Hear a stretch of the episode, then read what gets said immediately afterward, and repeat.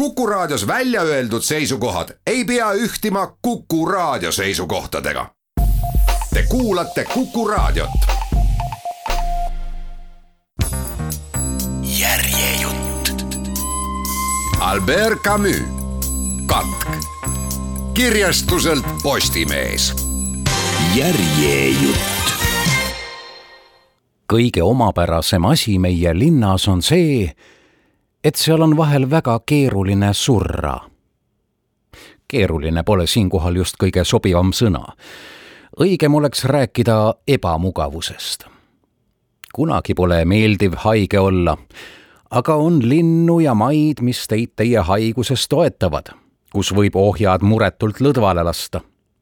haige vajab hellust, ta tahab kellegi najale toetuda ja see on täiesti loomulik aga Oraanis nõuab kõik head tervist. äärmuslik kliima, tähtsus, mida käimasolevatele äriasjadele antakse, kõle tühi ümbrus, üürike õhtuhämarus ja siinsete naudingute laad. haige tunneb ennast siin väga üksildasena. mõelge neile, kes pääsematult ootavad surma sadade kuumusest naksuvate seinte taga kuna sel samal hetkel istub kogu ülejäänud elanikkond telefoni otsas või kohvikus või räägib vekslitest, konossementidest ja diskontost. Te mõistate siis, kui ebamugav võib olla surm, isegi moodne surm, kui see tabab teid niisuguses lohutuspaigas. Need mõningad viited annavad ehk küllaldase ettekujutuse meie linnast. muide, me ei tohi millegagi liialdada. tuleb rõhutada meie linna ja sealse elu banaalset üldmuljet. ent niipea, kui olete omandanud kindlad harjumused, mööduvad teie päevad lahedasti. kuna aga meie linn just harjumuste teket soodustab, võib väita, et see kõik on lõppkokkuvõttes hea sellest vaatenurgast nähtuna ei ole elu muidugi eriti põnev aga korralagedust meil ei tunta. ja meie linna siiras, meeldiv ja toimekas rahvas äratab reisijais mõõdukat sümpaatiat.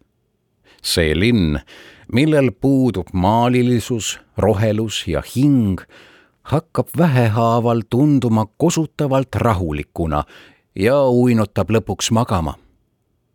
kuid õigluse nimel peab lisama, et linn on istutatud ainulaadsesse ümbrusse, keset lagedat kiltmaad, valendavate küngaste vahele, täiusliku rannajoonega lahe äärde. jääb vaid kahetseda, et linn on ehitatud seljaga mere poole ning seepärast jääb meri varjatuks ja ilma otsimata ei leia teda kunagi kätte. siiamaani jõudnud mõistab lugeja isegi, et miski ei lubanud meie kaaskodanikel ette näha juhtumeid, mis tolle aasta kevadel linnas aset leidsid ja mis olid, nagu me hiljem mõistsime, esimesed lülid kurbade sündmuste ahelas, mille kroonika me siin esitada tahame. Need sündmused tunduvad mõnedele üsna loomulikud, teistele seevastu hoopis uskumatud kuid kroonik ei saa lõppude lõpuks seda vasturääkivust arvestada. tema ülesandeks on vaid öelda, nii see oli, kui ta teab, et see tõepoolest oli nii ja et see puudutas terve linnarahva elu. pealegi on tuhandeid tunnistajaid, kes südames hindavad tema sõnades peituvat tõde kuueteistkümnenda aprilli hommikul väljus doktor Bernard Rieu oma kabinetist ja oleks trepikojas peaaegu peale astunud lõppenud rotile. selle sündmuse üle pikemalt juurdlemata astus ta kõrvale ja läks trepist alla. kui ta aga tänavale jõudis, torkas talle äkki pähe, et see pole rotilaibale päris õige koht ja ta läks majja tagasi, et asjast kojamehele teatada. Vanahärra Michelli kohkumist nähes sai Riüüle alles õieti selgeks, kui ebaharilik leid see oli. tema meelest oli lõpnud rott lihtsalt kohatu. kojamehe silmis aga lausa skandaalne. härra Michelli seisukoht oli muide täiesti kategooriline. selles majas ei ole rotte. asjata kinnitas arst, et trepikotta teise korruse mademele on ometi sattunud selline loom ja et see on usutavasti surnud. härra Michelli veendumus jäi kõigutamatuks. selles majas rotte ei ole. järelikult on keegi selle väljast sisse toonud ühesõnaga, siin on tegemist paha naljaga.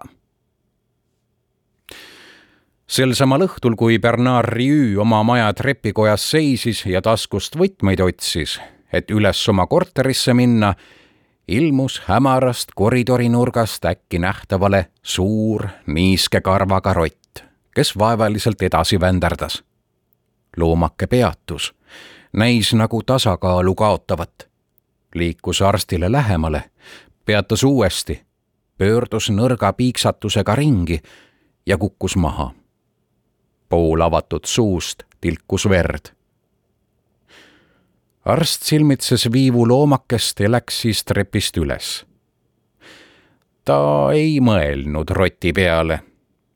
värske veri meenutas talle ta enda muresid. tema naine, kes juba aasta aega haige oli, pidi järgmisel päeval mägedesse sanatooriumi sõitma. naine pikutas magamistoas voodis, nagu abikaasa oli nõudnud. Nii kogus ta jõudu väsitavaks reisiks. haige vaatas tulijat naerataval näol. enesetunne on mul hea, ütles ta. öölambi valgel silmitses Riü haige nägu, mis ootavalt tema poole pöördus hoolimata kolmekümnest eluaastast ja tõvejälgedest tundus see nägu Riüüle ikka veel nooruslikuna. Võib-olla naeratuse tõttu, mis varjutas kõik muu. kui saad, katsu magama jääda, soovitas Riüü. põetaja tuleb kell üksteist ja ma saadan su kella kaheteistkümnesele rongile. ta suudles naise pisut niisket laupa naeratus saatis teda kuni ukseni. järgmisel päeval, seitsmeteistkümnendal aprillil kell kaheksa hommikul peatas kojamees doktor Riü ja kurtis, et ulakad on trepikotta toonud kolm lõpnud rotti. nähtavasti olid loomad püütud suurte lõksudega, sest laibad olid üleni verised kojamees oli tükk aega maja lävel passinud, rotid jalgupidi peos, lootes, et süüdlased end mõne sarkastilise märkusega reedavad. ent keegi ei näidanud nägu. Oodake ainult, küll ma nad ükskord kätte saan, lõpetas härra Michel. asi hakkas Riüüd huvitama ja ta otsustas alustada visiite äärelinnast, kus elasid ta kõige vaesemad patsiendid jäätmeid koguti seal hoopis hiljem. tiirutades linnaosa kitsastel tolmustel tänavatel, riivas arsti auto kõnnitee servale seatud prügikaste. Ühel niisugusel tänaval loendas Riiü terve tosina rotilaipu, mis olid visatud aedviljakoorte ja räpaste kaltsude kuhilatele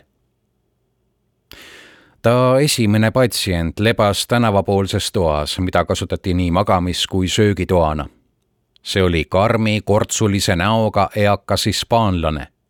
tema ees tekil seisid kaks potti hernestega. Kui arst tuppa astus, oli rauk parajasti seljakile patjadele vajunud ja püüdis vana astmahaige käheda ähkimisega õhku ahmida. naine tõi pesukausi. kas nägite juba, doktor? küsis haige süstimise ajal. Nad ronivad välja jah, tähendas naine, naaber on juba kolm tükki üles korjanud. vanamees hõõrus käsi. Ronivad välja, kõik solginõud on teisi täis. näljahäda on tulemas. Riiule sai pikemata selgeks, et terve linna jagu kõneleb rottidest. visiidid tehtud, läks ta koju tagasi Teile on üleval telegramm, teatas härra Michel. arst küsis, kas on veel rotte leitud.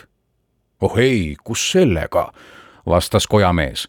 ma pean nüüd vahti, enam need sigutikud ei julge. Telegramm teatas Riüüle, et järgmisel päeval saabub tema ema. haige äraolekul tahtis ta poja majapidamise enda kätte võtta. kui doktor korterisse jõudis, ootas põetaja juba ees. Riüü abikaasa oli üles tõusnud, kostüüm seljas ja nägu jumestatud. arst naeratas naisele kõik läheb hästi. sa näed hea välja, ütles ta. veidi aega hiljem aitas ta lahkuja magamisvaguni kupeesse. naine vaatas ringi. see on meie jaoks liiga kallis, on ju? Pole parata, vastas Riiü. mis nende rottidega lahti on? Ei tea, imelik lugu tõesti, aga küllap läheb mööda kohe seepeale hakkas ta naise ees vabandama, ütles, et oleks pidanud tema eest paremini hoolitsema, kuid oli ta väga hooletusse jätnud. naine raputas pead, otse kui märku andes, et mees vaikiks. Riiü lisas, kui sa tagasi tuled, läheb kõik hoopis paremaks. me alustame uut elu. jah, ütles naine säravil silmil. me alustame uut elu siis pööras ta mehele selja ja vaatas vaguni aknast välja. perroonil tõttasid ja tõuklesid reisijad, vedur sisistas. Riü nimetas naist nimepidi ja kui naine ümber pöördus, oli ta nägu pisaraist märg. ei maksa, ütles Riü hellalt. Läbi pisarate tärkas uuesti veidi kramplik naeratus naine tõmbas sügavalt hinge. hakka nüüd minema, kõik läheb hästi. Riiü süleles teda ja läks perroonile. läbi akna nägi ta nüüd veel vaid naeratust. palun sind, ole ettevaatlik, ütles ta naisele. aga see ei võtnud ta sõnu kuulda jaama esisel värava lähedal kohtas Riü kohtu-uurijat härra Otoni, kellel oli käe kõrval väike poeg. arst küsis, kas ta kavatseb ära sõita. härra Oton oli pikka kasvu ja kandis musta ülikonda. ta sarnanes poolenisti kunagise seltskonna inimesega, poolenisti surnu matjaga. lahkelt, ent lühidalt vastas ta tulin vastu proua Otonile, kes käis minu sugulastel külas vedur vilistas. rotid, ütles kohtu-uurija.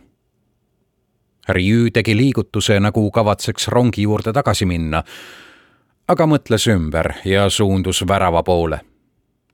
jah, mis seal ikka, ütles ta. sellest hetkest jäi talle meelde vaid jaama koristaja, kes kandis kaenlas suurt kasti, mis oli täis lõpnud rotte sama päeva pärastlõunal, vastuvõtutunni algul, külastas teda noormees, kes ütles enese olevat ajakirjanikku ja käinud teda juba hommikupoolikul otsimas. tema nimi oli Raymond Rambert. külaline oli väheldast kasvu, laiaõlgne, tahtekindla näo ja selgete arukate silmadega ta kandis sportliku lõikega ülikonda ja näis oma eluga rahul olevat Rambert asus otsekohe asja juurde.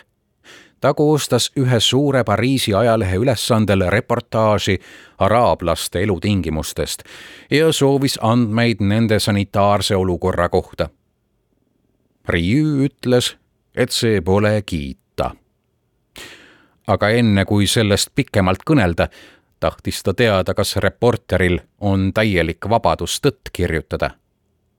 kahtlemata kinnitas külaline.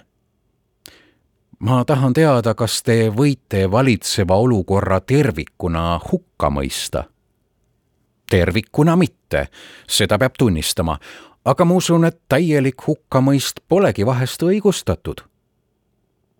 Riiü vastas selle peale ettevaatlikult, et täielik hukkamõist oleks tõepoolest põhjendamata, kuid et selle küsimusega tahab ta lihtsalt selgitada, kas Rambert võib olukorrast täiesti objektiivselt aru anda või mitte.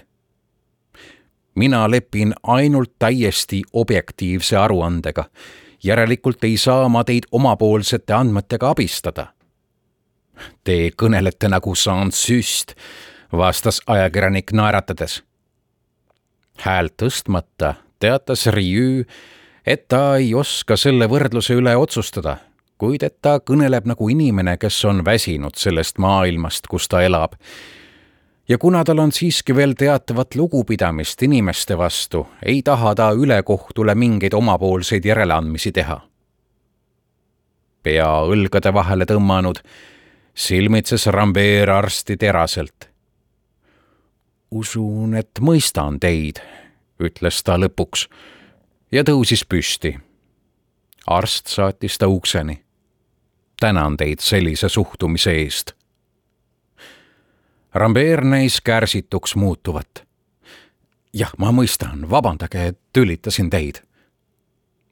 Riü surus ajakirjaniku kätt ja avaldas arvamist, et Rambert võiks kirjutada huvitava reportaaži lugematuist lõppenud rottidest, keda kõikjal üle terve linna leida võib ohoo, hüüatas Rambert.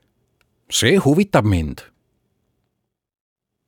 kella viie paiku, kui Riü oma õhtustele visiitidele läks, kohtas ta trepil võrdlemisi noort jässakat meest raskepäraste kurnatud näojoonte ja tihedate tugevate kulmudega. Riü oli teda paar korda näinud Hispaania tantsijate juures, kes elasid ülemisel korrusel. Jean Tarou suitsetas asjalikul ilmel sigaretti ja jälgis rotti, kes surmaeelsetes krampides tema jalge ees trepiastmel viskles. ta pööras doktori poole rahulikud, pisut pruunid hallid silmad, teretas ja lisas, et rottide ilmumine on omamoodi imelik nähtus. jah, vastas Riü aga pikapeale hakkab see närvidele käima. ainult teatud mõttes, doktor, ainult teatud mõttes. me lihtsalt pole iialgi midagi selle sarnast näinud. aga minu arvates on see huvitav, tõepoolest huvitav. Taru lükkas juuksed käega laubalt tagasi, silmitses uuesti rotti, kes lebas nüüd juba liikumatult ja ütles siis naeratades aga lõppude lõpuks, doktor, on see ikkagi kojamehe asi. Riiu kohtaski maja ees kojameest, kes seisis välisukse kõrval seinanajale toetudes. tema tavaliselt punetaval näol oli seekord väsinud ilme. Jaa, ma tean, ütles papi Michel Riiule, kes talle oma järjekordsest leiust teatas nüüd on neid juba hulga kaupa. aga teistes majades on sama lugu. ta näis olevat roidunud ja murelik ning mudis masinliku liigutusega kaela. Rjü päris ta tervise järele. kojamees ei saanud öelda, et ta just otse haige on. Aga ta enesetunne ei olnud suurem asi. ta pidas selle põhjuseks muret, mis teda vaevas ta olevat neist rottidest masendatud. aga küllap ta saab sellest üle, kui nad jälle kaovad. ent järgmisel päeval, kaheksateistkümnenda aprilli hommikul, kui Rjü oma ema jaamast koju tõi, nägi härra Michel veelgi halvem välja. trepil, keldrist kuni pööninguni, vedeles kümmekond rotti naabermajade prüginõud olid neid täis Riiu ema ei üllatunud põrmugi seda uudist kuuldes. elus tuleb igasuguseid asju ette, leidis ta. Riiu ema oli väikest kasvu, hõbehallide juuste ja leebete pruunide silmadega. mul on hea meel, et sind jälle näen, Bernard, ütles ta. rotid juba minu meeleolu ei riku. Riiu noogutas koos emaga näis kõik alati lihtne ja kerge. Riü helistas siiski kohalikku näriliste hävitamise keskusse, mille juhatajat ta tundis. kas ta on kuulnud rottidest, kes massiliselt oma urgudest välja tulevad, et vabas õhus surra? keskuse juhataja Mercier oli sellest kuulnud ja tema enda asutuses, mis asus sadama lähedal, oli neid leitud juba viiskümmend tükki. Mercier kahtles aga, kas asi siiski eriti tõsine on. Riu ei osanud selle kohta midagi öelda, kuid leidis, et näriliste hävitamise keskus peaks midagi ette võtma. jaa, vastas Mercier, aga ainult siis, kui antakse vastav korraldus kui sa arvad, et tasub vaeva, võin katsuda korralduse hankida. see tasub alati vaeva, ütles Riü. passi alt kuulis Riü, et suures tehases, kus ta mees töötab, oli üles korjatud mitusada rotilaipa igatahes umbes sel ajal hakkasid meie kaaskodanikud juba rahutust tundma sest alates kaheksateistkümnendast aprillist kubisesid tehased ja laod sõna otseses mõttes sadadest rotilaipadest. kohati, kui loomade agoonia liiga kaua kestis, tuli nad surmata. alates Aguleist ja lõpetades südalinnaga, kõikjal, kus doktor Riü käis, kõikjal, kuhu meie kaaskodanikud ka kogunesid, igal pool vedeles kuhja kaupa rott olgu prügitünnides või siis ridamisi rentslis. samal päeval võtsid Õhtulehed asja üles ja küsisid, kas linnavalitsus kavatseb lõppude lõpuks midagi ette võtta või mitte. milliseid erakorralisi abinõusid ta mõtleb rakendada, et kodanikke sellest jälgist nuhtlusest vabastada. linnavalitsus ei olnud midagi ette võtnud ega ka midagi plaanitsenud aga viimaks kutsuti siiski kokku nõupidamine, et küsimust arutada. näriliste hävitamise keskusele anti korraldus kõik surnud rotid igal hommikul Koidu ajal üles korjata. seejärel pidid kaks veoautot toimetama laibad jäätmete hävitamise ettevõttesse, kus need põletati. kuid järgnevatel päevadel halvenes olukord veelgi üles korjatud näriliste hulk kasvas ja igal hommikul oli saak järjest rikkalikum. neljandast päevast alates tulid rotid juba karjakaupa tänavaile surema. ebakindlal sammul sibasid nad pikkades rodudes välja urgudest ja koobastest, keldritest ja kanalisatsioonivõrgust, kaotasid valguse kätte jõudes tasakaalu, hakkasid vurrina pöörlema ja surid inimeste jalge ees öösiti oli koridorides ja väikestel põiktänavatel selgesti kuulda nende nõrku surmapiiksatusi. äärelinnades vedeles neid hommikuti lausa rentslis, verepiisake teraval koonul. ühed tursunud ja mädanemas, teised kangestunud, vurrukarvad veel püsti ka kesklinnas vedeles neid väikeste hunnikutena trepikodades ja õuedel üksikud otsisid suremiseks paika haldushoonete fuajeedes, koolihoovides, koguni kohvikute rõdudel. meie kohkunud kaaskodanikud leidsid neid linna kõige käidavamates kohtades. keskväljak, pulvarid ja merepuiestee olid paiguti reostatud. Koidu ajal tehti linn lõpnud loomadest puhtaks aga päeva jooksul kogunes seda rohkem. sageli juhtus, et öine jalutaja tundis äkki jala all veel värsket ja pehmet laipa. näis, nagu oleks maa, millel seisid meie majad, välja higistanud oma roiskunud ihumahlu nagu näitaks ta nüüd avalikult paiseid ja mädanikke, mida siiamaani polnud kehapinnal märgata kujuteldagu vaid meie väikese, seni nii vagase linna jahmatust. mõne päevaga oli ta roopast välja viidud nagu terve inimene, kes lööb äkki vistrikke täis. asi läks nii kaugele, et infdok, informatsioon ja dokumentatsioon, täielikud andmed ükskõik mis alalt, teatas raadios ajakajaliste lühiuudiste saates, et üksnes kahekümne viiendal kuupäeval on üles korjatud ja põletatud kuus tuhat kakssada kolmkümmend üks rotti. see arv, mis andis igapäevasele vaatepildile selge ja konkreetse sisu, suurendas segadust veelgi. seni kurdeti lihtsalt ühe jälgivõitu vahejuhtumi üle. nüüd aga märgati, et see nähtus, mille tegelikku ulatust ei saanud veel täpselt määrata ega tema põhjust seletada, peitis endas mingit ähvardust. üksnes vana astmahaige hispaanlane hõõrus aina käsi ja korrutas raugaliku kahjurõõmuga. ronivad välja, ronivad välja kahekümne kaheksandal aprillil teatas Infodoc, et üles on korjatud umbes kaheksa tuhat rotti ja ärevus linnas tõusis haritipule. nõuti radikaalsete abinõude tarvitusele võtmist, süüdistati linnavalitsust ja mõned, kellel oli mere ääres suvemaja, arutasid juba ümberkolimise võimalust. kuid järgmisel päeval teatas agentuur rottide nuhtluse ootamatust lõpust.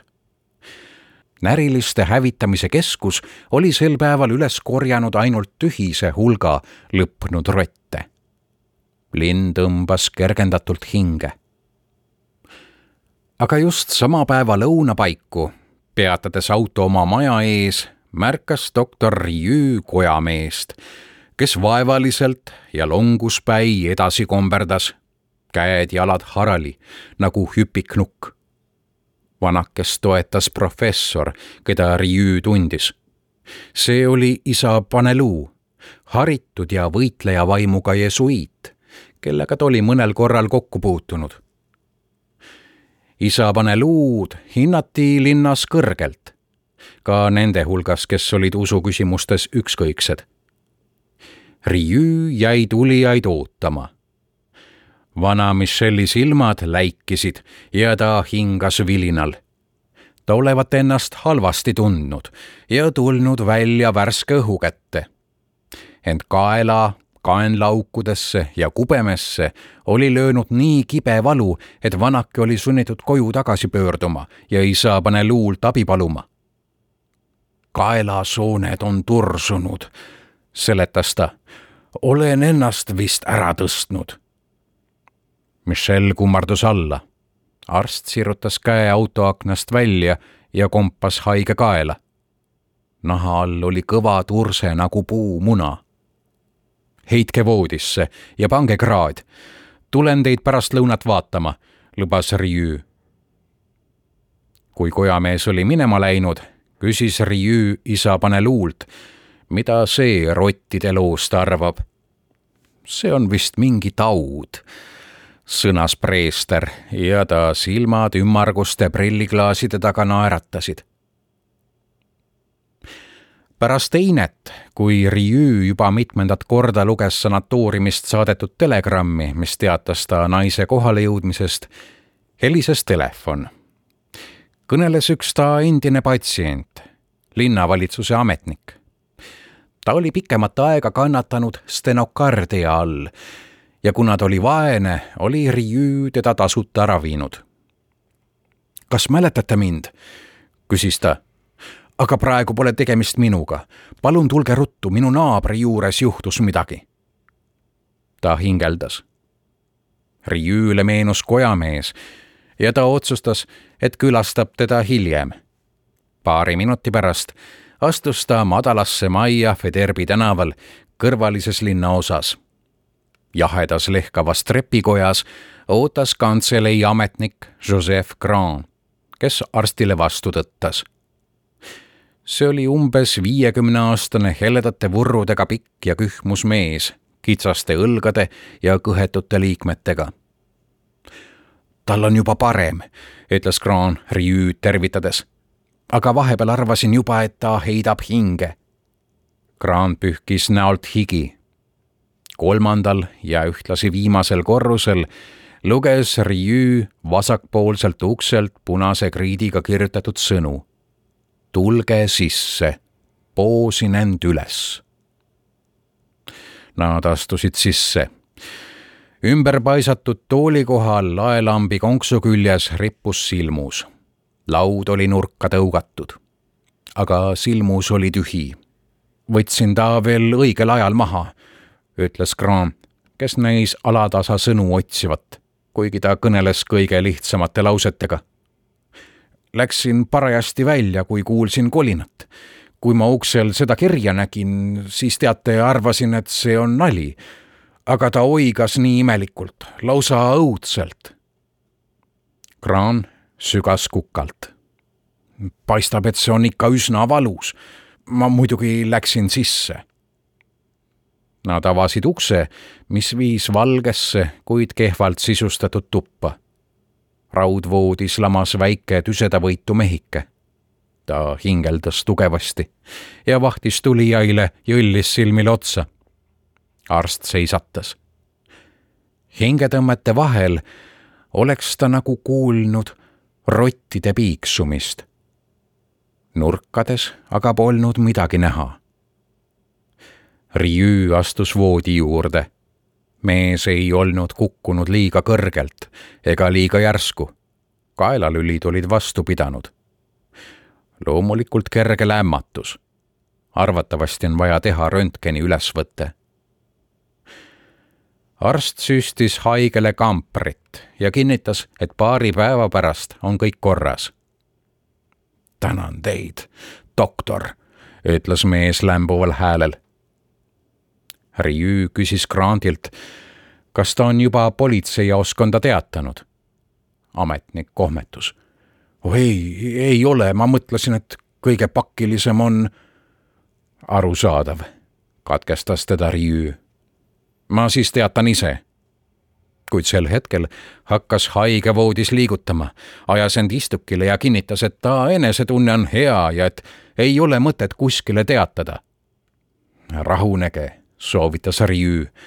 uskuge mind, siin ei ole midagi kaubelda, ma pean igal juhul asjast teatama.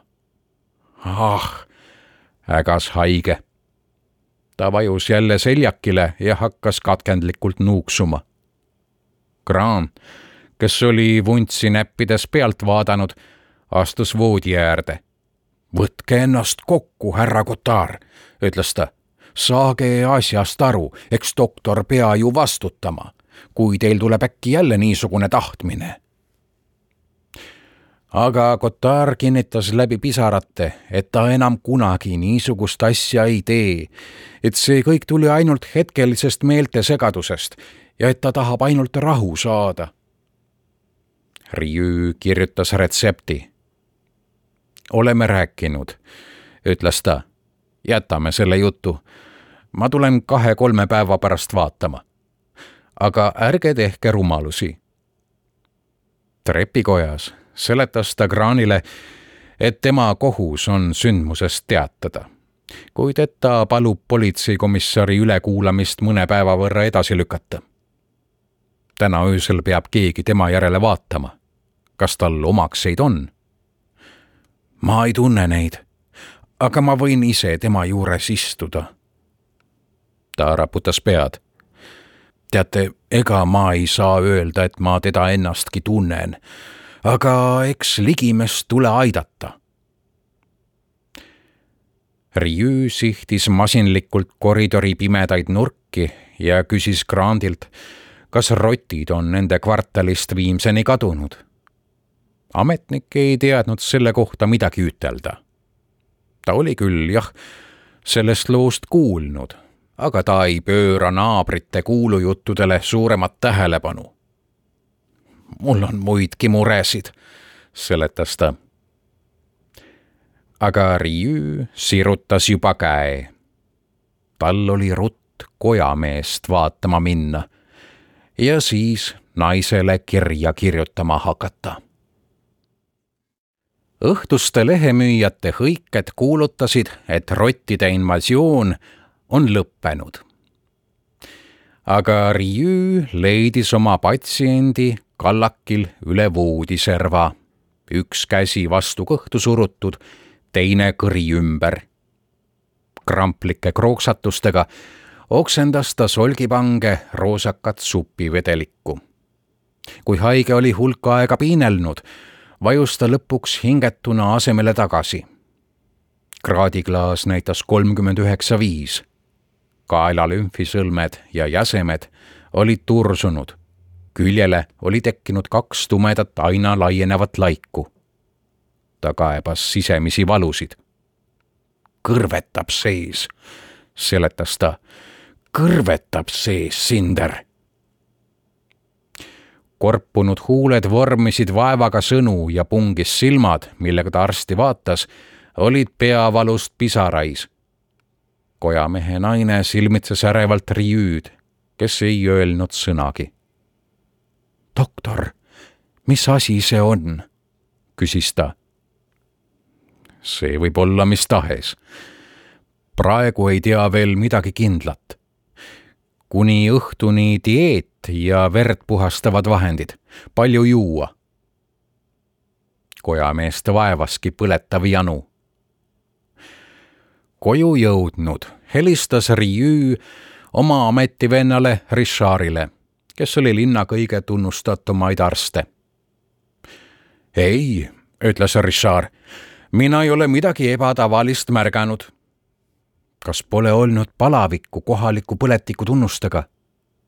jaa, tõesti, oli kaks juhtumit väga põletikuliste lümfisõlmedega. üle normaalse hmm,, ütles Richard. normaalne ja ebanormaalne, teate küll. aga õhtul kojamees igatahes juba sonis, hädaldades neljakümnekraadilises palavikus rottide pärast Riiü üritas põletiku fiksatsiooni. Tärpentini süsti kõrvetus pani haige müürgama. oo, raiped! Lümfisõlmed olid veelgi rohkem tursunud, kompamisel kõvad, otse kui puitunud. kojamehe naine oli jähmi täis. valvake tema juures, ütles arst, ja kui vaja, kutsuge mind järgmisel päeval, kolmekümnendal aprillil, puhus sinise vinetava taeva all juba mahe tuul. see kandis kõige kaugematest äärelinnadest lillelõhna. Tänavakära tundus tol hommikul valjem ja rõõmsam kui muidu.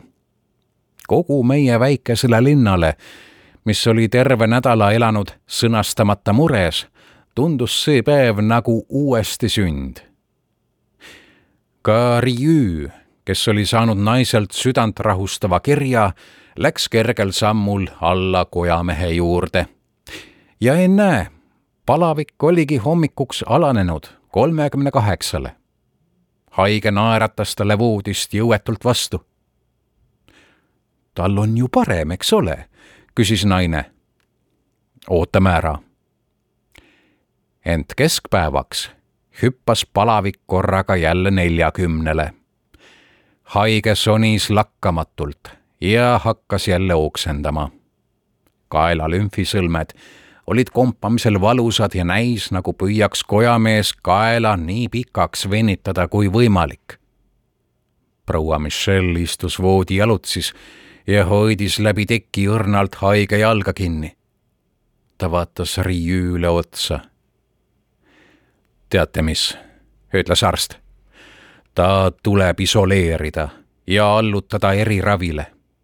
ma helistan haiglasse ja kutsun haigeauto välja. Kaks tundi hiljem istusid arst ja proua Michelle autos ja kummardusid haige kohale. ta tursunud liimerdavate huulte vahelt kostis lause pudemeid. rotid, ütles ta näojume oli rohekas, huuled vahakarva, laud tinahallid, hingetõmbed katkendlikud ja lühikesed. Valu lümfisõlmedes kiskus jäsemeid harali, nii et näis, nagu oleks Michelle tahtnud oma haige raamile kaane peale tõmmata või nagu kisuks mingi jõud teda vastupandamatult sügavikku. ta lämbus mingi nägematu raskuse all naine nuttis. doktor, kas ei ole siis enam lootust? ta on surnud, ütles Riiü. Kojamehe surmaga just nagu lõppes halvaendeliste ajamärkide periood ja algas uus, mitmeti raskem etapp, kus esialgne üllatus kasvas vähehaaval kabuhirmuks. kui meie kaaskodanikud hiljem seda läbi sõelusid, pidid nad tunnistama, et meie väikene linn oli tollal nende meelest küll viimane koht, mis võis olla välja valitud paigaks, kus rotid päise päeva ajal hulganisti kärbasid ja kojamehed imelikkude haiguste ohvriks langesid. Nad pidid nägema, et nad selles suhtes rängasti eksisid ja olid sunnitud oma senised arusaamad revideerimisele võtma. kui kõik oleks sellega piirdunud, oleksid vanad harjumused siiski varsti jälle maad võtnud. ent nii paljudel meie kaaskodanikest, kes sugugi alati polnud kojamehed ja vaesed, tuli käia sedasama teed, mida mööda oli läinud esimesena härra Michel. sellest hetkest peale tärkas südameis hirm ja inimesed hakkasid selle sunnil järele mõtlema. järjejutt. Albert Camus, katk kirjastuselt Postimees. järjejutt